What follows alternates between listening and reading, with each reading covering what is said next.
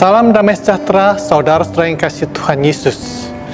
Kemim Kristus Manado kembali menyapa saudara-saudara. Renungan pada hari ini dari Injil Matius pasal yang kelima ayat 21 dan 22. Kamu telah mendengar yang difirmankan kepada nenek moyang kita, jangan membunuh. Siapa yang membunuh harus dihukum. Tetapi aku berkata kepadamu, setiap orang yang marah terhadap saudara-saudaranya harus dihukum. Siapa yang berkata kepada saudaranya kafir harus dihadapkan ke mahkamah agama dan siapa yang berkata jahil harus diserahkan ke dalam neraka yang menyala-nyala.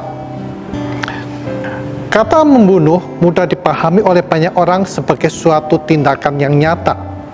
Dan Tuhan Yesus itu hendak menunjukkan kepada para muridnya bahwa sikap yang marah kepada orang yang lain atau juga menyebut orang lain kafir, jahil itu memiliki akar yang sama dengan membunuh. Saudara sering Tuhan di dalam kitab kejadian pasal 49 ayat 6 dan juga di dalam kitab Hakim-Hakim pasal 14 dan 19 pula di dalam Injil Matius pasal yang kedua ayat 16 di situ mencatatkan tentang kemarahan yang berlanjut dengan pembunuhan. Saudara saudara Tuhan, dengan demikian peringatan dari Tuhan Yesus tentang marah pada orang lain itu juga suatu hal yang penting yang kita perhatikan.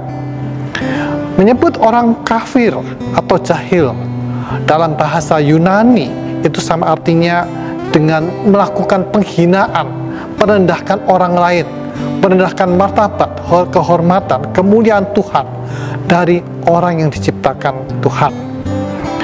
Terhadap sikap marah, merendahkan orang lain, Tuhan Yesus menyerukan untuk lebih dahulu mengutamakan berdamai dengan orang-orang uh, tersebut daripada melakukan ibadah.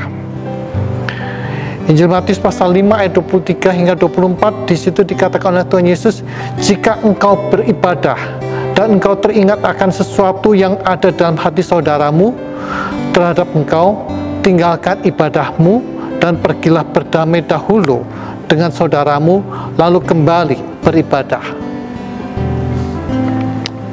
Sayang Tuhan, oleh karena itu, mari kepada kita semuanya kalau saudara masih menyimpan suatu kemarahan kepada orang lain di dalam hatimu, janganlah menunggu waktu.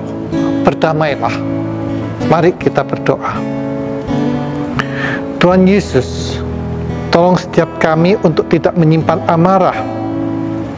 Tolong anak-anakmu, suami istri yang bermarah-marahan, untuk berdamai, memulihkan hubungan suami istri. Tolong setiap pengikutmu berhati damai. Kami berdoa di dalam nama Tuhan Yesus. Amin.